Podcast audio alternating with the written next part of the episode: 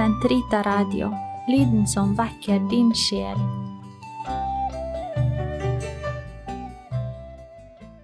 Kroppens teologi, en kommentar til pave Johannes Paul 2.s onsdagskatekeser av Eirik Ambrosius Stenhoff. Totus tuus ego sum, et omnia mea tua sunt, Archipio te in mea omnia, prebe mi cor tum Maria. Episode 17 Sakrament og mysterium Ekteskapet i Guds plan. Katekesene 94-102 Del 2 Ekteskapet som ursakrament. Katekesene 96 og 97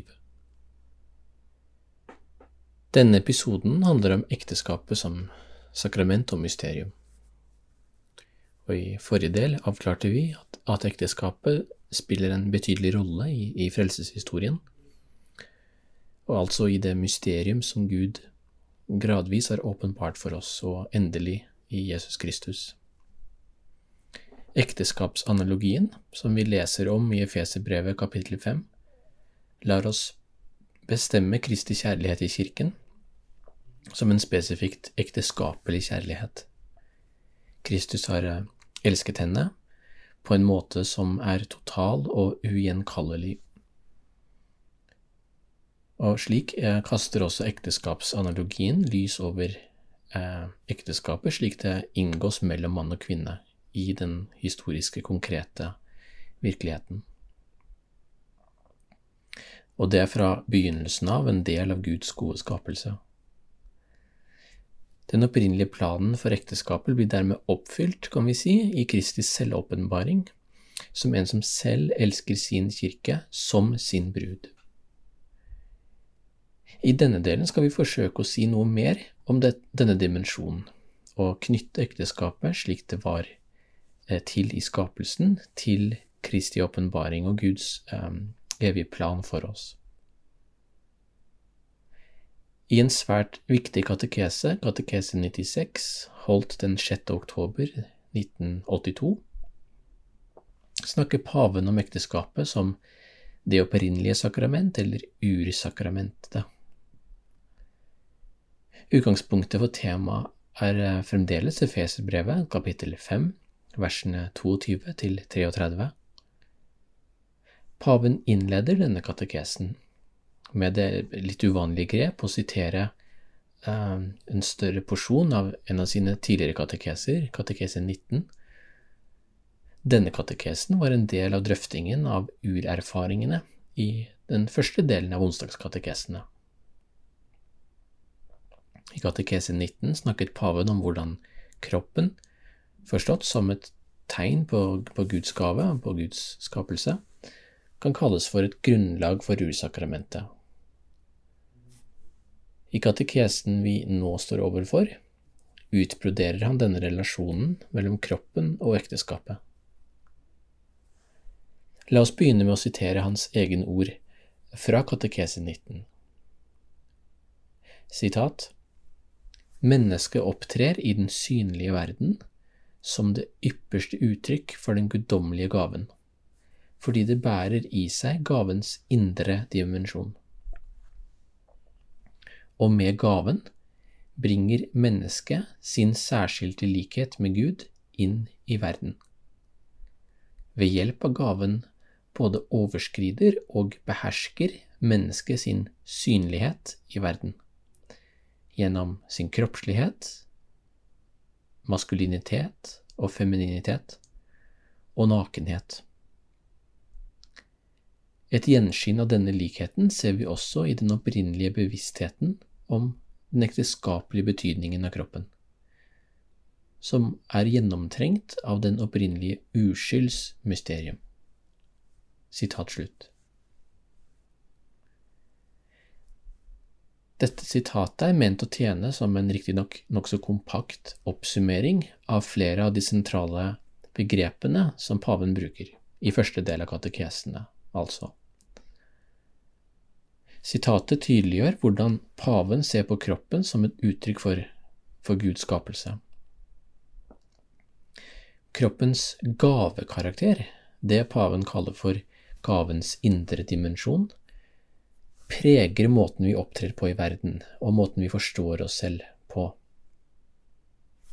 Måten vi erfarer kroppen på, også i dens kjønnslige dimensjon, overskrider det rent biologiske eller naturalistiske som vi har sett.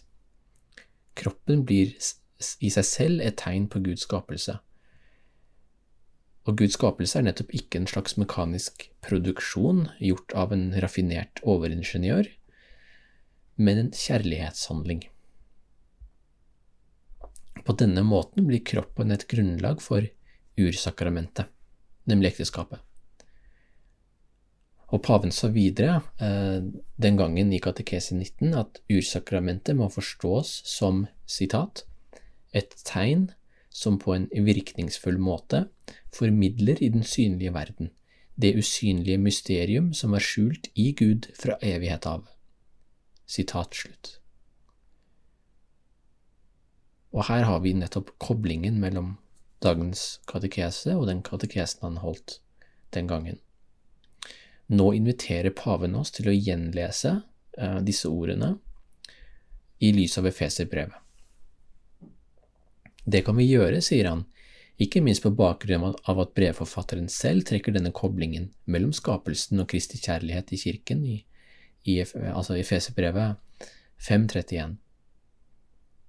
Der siteres nettopp første Mosebok 2.24. Derfor skal mannen forlate far og mor og holde fast ved sin kvinne, og de to skal være én kropp. Og det som knytter utsagnene sammen, er naturligvis ekteskapsanalogien, som vi snakket om sist. Efeserbrevet vever på en måte ekteskapet mellom mann og kvinne eh, i Guds plan sammen med eh, Kristi, brudgommens, kjærlighet i kirken, hans brud som nettopp er uttrykt som en ekteskapelig form for kjærlighet. Og paven ønsker, som vi også har sett, å forankre ekteskapet som ursakrament i skapelsen, altså i, i begynnelsen, i menneskets første erfaringer og virkelighet. I begynnelsen var mennesket skapt i en uskyld og en, og en hellighet som gikk tapt i og med syndefallet. Efeserbrevet lar oss nærme oss begynnelsen, sier paven, ut fra et perspektiv på det mysterium som er skjult i Gud fra evighet av. Og han siterer her igjen de avgjørende ordet fra det første kapitlet i brevet. Og der heter det Gud, vår Herre Jesu Kristi Far, har velsignet oss med all åndens velsignelse i himmelen. I Kristus utvalgte han oss, før verdens grunnvoll ble lagt, til å stå for hans åsyn, hellige og uten plett.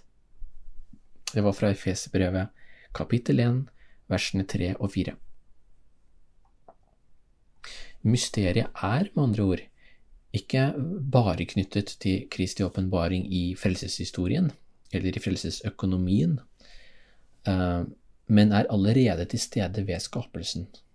Ja, til og med før verdens grunnvoll ble lagt. Og dette er en umåtelig viktig distinksjon som teologien, og særlig teologien i vår tid, eh, oftest overser. For dette innebærer at Kristi mysterium eh, er selv til stede allerede ved verdens og menneskehetens skapelse. Så det faktum at vi er utvalgt i Kristus, sier paven, betyr at også urtilstanden, den opprinnelige uskylden og helligheten som vi leser om i skapelsesberetningen, alt bærer i seg det han kaller for frukten av utvelgelsen, nemlig at vi skal, skal kunne stå hellige og uten plett for hans åsyn. Et av de overordnede eh, teologiske tema vi her snakker om, er hva det vil si å være skapt i Kristus. Som Johannes-prologen uttrykker det, som for øvrig paven ikke gjengir her, er at alle ting er blitt til gjennom ordet. Dette er et omfattende tema som vi skal komme tilbake til i en senere fordypningsepisode, i dialog med noen andre teologer fra tradisjonen og, og nyere tid. Paven sier at den overnaturlige gaven som mennesket er gitt gjennom denne utvelgelsen, ble gitt i lys av Sønnen. Kanskje kan vi formulere dette som følger. Eh, det var ikke slik at menneskets og skapelsens endelige formål ble introdusert eller gjort kjent først ved Guds inkarnasjon som menneske.